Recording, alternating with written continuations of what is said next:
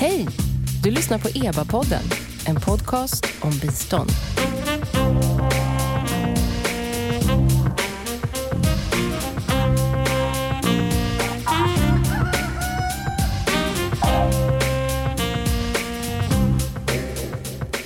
Välkomna till EBA-podden. Jag heter Noomi Östlund och den här podcasten ges ut av Expertgruppen för biståndsanalys, EBA. Det är en statlig kommitté som utvärderar och analyserar Sveriges internationella bistånd. Fria val är en hörnsten i en fungerande demokrati och stöd till val och valprocesser har länge varit en viktig del av Sveriges demokratibistånd. Under de senaste åren har vi dock sett en tydlig demokratisk tillbakagång i många länder. Även sådana länder där relativt fria val tidigare hållits. EBA har nyligen publicerat en rapport om just valprocesser eller valstöd. Rapporten svarar eh, på frågor om valstöd, hur det fungerar och hur det ska se ut när allt fler länder går i en auktoritär riktning. I studion idag har jag två gäster som kan allt om det här med valstöd och eh, demokratibistånd. Välkommen Therese Purselanela, chef på eh, valenheten på internationella IDEA.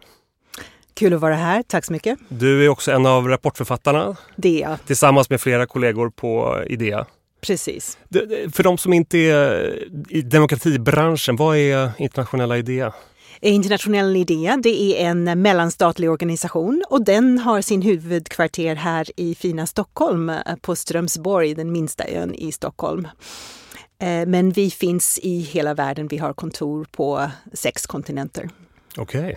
En som däremot är en eh, riktig demokratiinsatt person det är vår andra gäst. Eh, välkommen Helena Bjuremalm på Sidas demokratienhet. Tack, jättekul att vara här.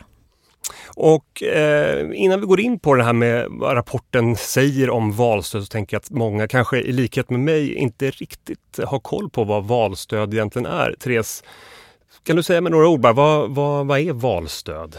Det absolut enklaste valstöd skulle vara stöd som ser till att ett val kan genomföras. Det som man ser när man eh, ser ett val, valsedlar och, och, så vidare. Men över åren och under åren har det mer kommit att handla om förutsättningar för att hålla val som accepteras av befolkningen och som ses som, som, som rimliga och riktiga. Om du skulle säga vad, vad, vad skiljer valstöd eller stöd till valprocesser från vanligt bistånd eller annat bistånd?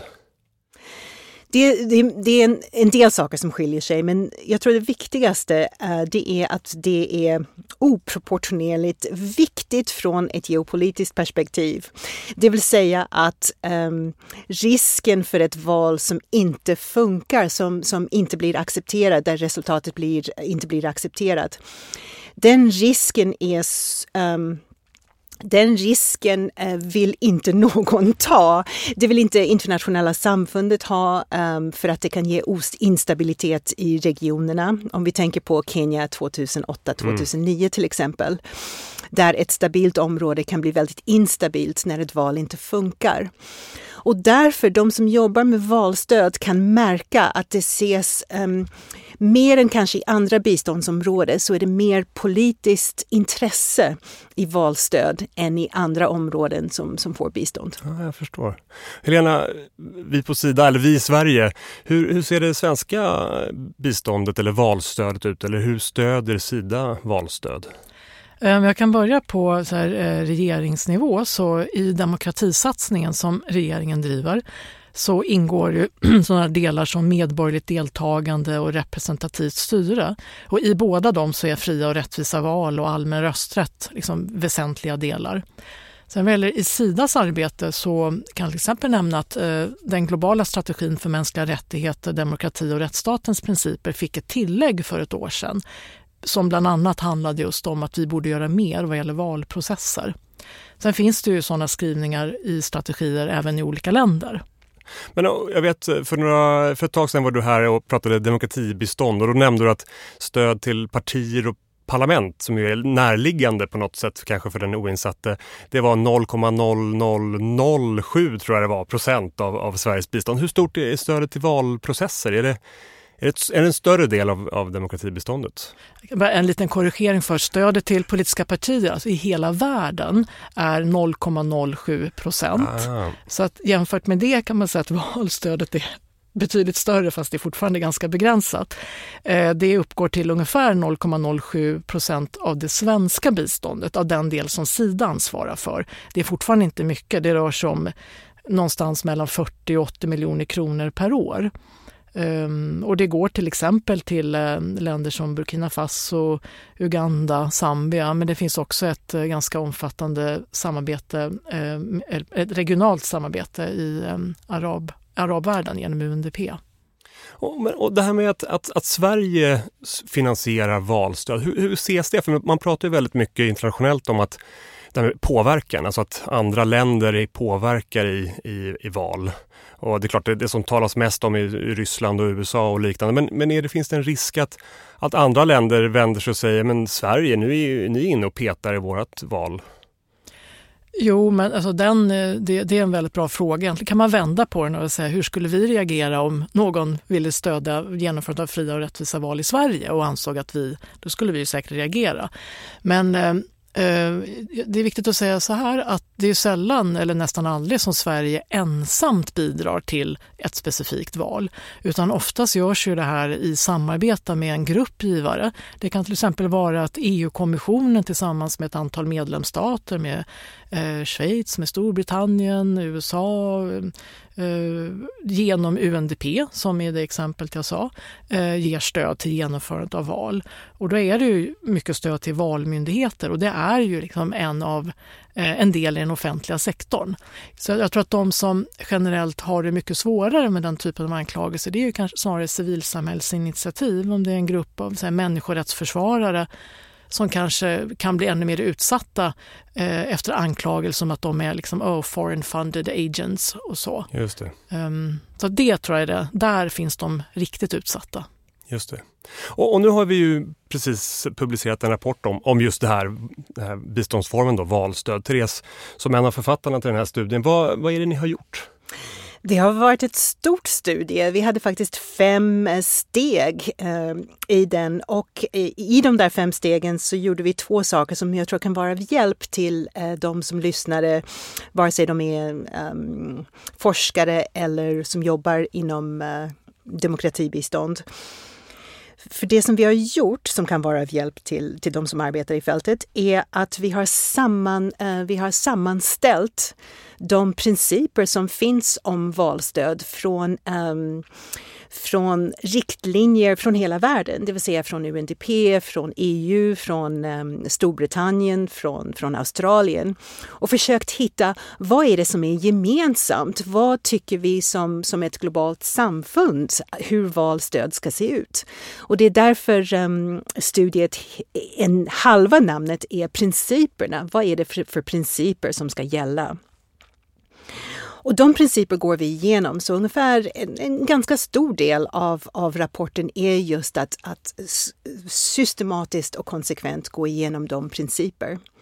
Men sen vad vi har gjort är att kontakta alla som jobbar med det här i fält, vare sig som, som givare eller som organisationer som genomför eller de som, som får det stödet och säga vad är det som gör, vad är det som komplicerar att den här bilden vi har om, om valstöd som ska fungera bra, vad är det som gör att det inte fungerar bra i verkligheten? Så det är de två bitar som vi har. Det är därför det kallas för the principles and the practice of electoral uh, assistance. Och vad ska du säga, vad är det viktigaste ni kom fram till? Ja, eh, i och med att valstöd är så politiskt eh, i, och med att det är så mycket som står på spel när val ska hållas. De svåraste principerna att genomföra praktiskt är de som syftar till långsiktig um, utveckling. Det som man normalt förknippar med biståndsarbete och det som gör det speciellt hårt. Och de principer som har varit um, svåra, som, som inte funkar så bra som de kan, det är till exempel principen om local ownership. Att, att, att det, det, ska vara ett, ett lokalt engagemang som, som hjälper till att designa. Det är den principen som ganska ofta slås, slås ur spel. Eh, för att det är just så mycket som, som, är, eh, som är på, um, att, att valet ska hållas blir det viktigaste och um, andra mål underordnas den här um, huvudmålet. Så det kan bli väldigt, um, väldigt praktiskt och väldigt mycket pengar som ska se till att, att just that this election can't fail. Just det. Och, och andra saker slås ur spel som är mer långsiktiga mål. Och jag vet en sak som, som lyfts fram i den här rapporten är just vikten av att när man ska ge valstöd, ge sig in i valstöd, att förstå den lokala kontexten så att man hamnar rätt. Helena, hur gör Sida för att inte hamna fel i en sån här situation? Och jag tänker den stora risken är väl att man legitimerar ett val som egentligen är ofritt. Hur, hur jobbar ni för att förstå var ni ska finansiera valstöd? Ehm, ofta, valstöd finansieras ju ofta just från en utlandsmyndighet, alltså från en ambassad och då har man ju ofta, eller förhoppningsvis, eh, fullgod politisk rapportering, eh, analys eh, och att man lägger mycket resurser på att bygga nätverk med, liksom med forskare, med aktivister och så, så att du kan liksom på något sätt läsa av vad, vad är det som egentligen är vad. För ofta kan det ju liksom vara mycket som ligger bakom ytan och man behöver ofta vara väldigt kunnig för att kunna förstå. Eh, och det är nog inte alltid vi har tillräcklig tid och tillräcklig kapacitet till det. Ehm, men sen som jag sa tidigare så är det ju oftast det är en annan aktör som är den som faktiskt genomför biståndet. Och då är vår roll kanske framförallt att bedöma, har de tillräcklig eh, analyskapacitet? Har UNDP koll på läget? Har ehm, andra aktörer, har Valmyndigheten liksom möjlighet att analysera och så här, skademinimera och så? Liksom det, det är ännu viktigare. Och, och, nu ökar ju auktoritära krafter i många länder. Och det pågår en, också en stark teknikutveckling. Man pratar mycket om, om sociala mediers roll i, i som påverkansarbete framför allt. Va, vad ser ni som de, de viktigaste utmaningarna här framöver? Eh, eller, och, och, kanske möjligheterna? Finns det kanske inte bara utmaningar utan kanske några möjligheter i den här situationen eh, för valstöd framöver? Therese? Eh, du har helt rätt att det är de stora utmaningar som, som finns och de eh, pekar på att vi måste vara snabbare och vi måste samarbeta mera för att kunna reagera snabbt och starkt till sånt som händer. Och där kanske det inte går ihop med projekt som är skrivna långt i förväg, som, som säger i förväg vad som ska åstadkommas i projekt. Eh, det funkar inte så bra under de här prekära lägen eh, där, där beslut måste tas snabbt. Så en av uh, sakerna som vi hoppas på, och nu ber jag om ursäkt för engelska ord, men det här agila, liksom, det, det, det, det, finns en anledning varför det ordet kommer upp så mycket, att vi måste vara snabbare och kunna reag reagera. Så valstöd behöver inte vara, det behöver inte vara mer pengar, men det måste vara snabbare och rörligare. Och jag vill verkligen poängtera vad, vad Helena sa om kunnighet. Det behövs två slags kunnighet. Det behövs kunnighet om vad det är som händer i det här landet precis nu, vad som är maktspel, vad som är på riktigt, vad som är i demokratins intresse. Men det behövs också kunnighet om hur man ordnar val. Kom ihåg att det är ett väldigt, väldigt komplext um, det är komplex logistik i det. Man ska nå hela befolkningen Ehm, under en väldigt kort period. Och då behövs det åratal av planering och en regelverk som underlättar för det och en kom kommunikationsinfrastruktur. Så det går inte att komma in sex månader i förväg med insatser för att um, förbättra väljarregistret till exempel. Det måste göras två eller tre år i förväg. Och den tekniska kunskapen behövs också. Och det är sällan som tekniska kunskapen och politiska kunskapen finns i en och samma person. Och därför behövs samarbete och um, eh, forum för att diskutera ihop vad som är bästa lösningar. Och det är en av rekommendationerna i, i, som, som genomsyrar rapporten, är just mer tillfällen att prata ihop sig till, till lösningar och att inte, inte försöka hitta checklistor um, eller färdiga lösningar eller förlita sig på projekt som skrevs för länge sedan. Eh, så att, att, att, att kunna vara i realtid och prata ihop sig om hur man ska lösa saker um, allt eftersom de kommer upp. Och Elena, jag menar, Sida får ju ofta beröm för att svenskt bistånd är flexibelt. Är det här någonting ni kan stå upp mot och, och, och leverera, tror du? Ett stöd till den här typen av mer mer agilt, om vi får säga det ordet, agilt bistånd för valstöd. Jag brukar säga flexibelt, tycker det är mer ja. svenskt.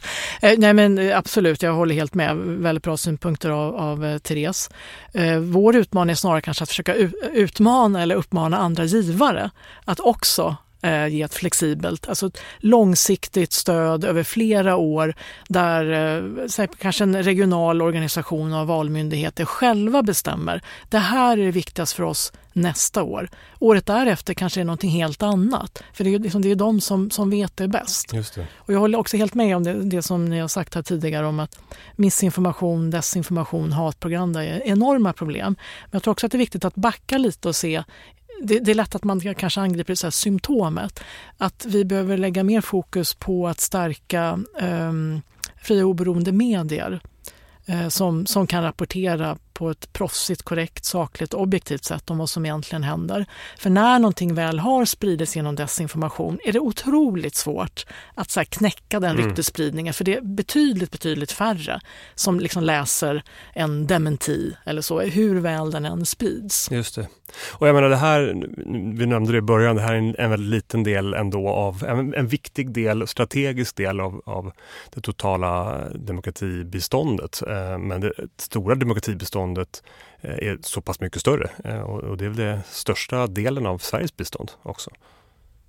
Ja, den eh, stora, demokrati, mänskliga rättigheter och jämställdhet är den riktigt stora delen och inom det så är ofta civilsamhällsorganisationer den liksom största kanalen för det. Ja, med det vill jag tacka er för det här samtalet. Tack till Helena Bjurmalm eh, på Sidas demokratienhet. Tack till Therese Pers Lanela på Internationella Idea och en av författarna till rapporten Supporting Elections Effectively Principles and Practice of Electoral Assistance. Och om du som lyssnat blir nyfiken på den här rapporten så finns den att läsa eller ladda hem på eba.se. Där kan ni också se ett väldigt spännande seminarium om den här rapporten som vi hade häromveckan. Och där finns såklart också alla EBAs andra rapporter, seminarier och poddavsnitt. Jag heter Noomi Östlund och tack för att ni har lyssnat på EBA-podden.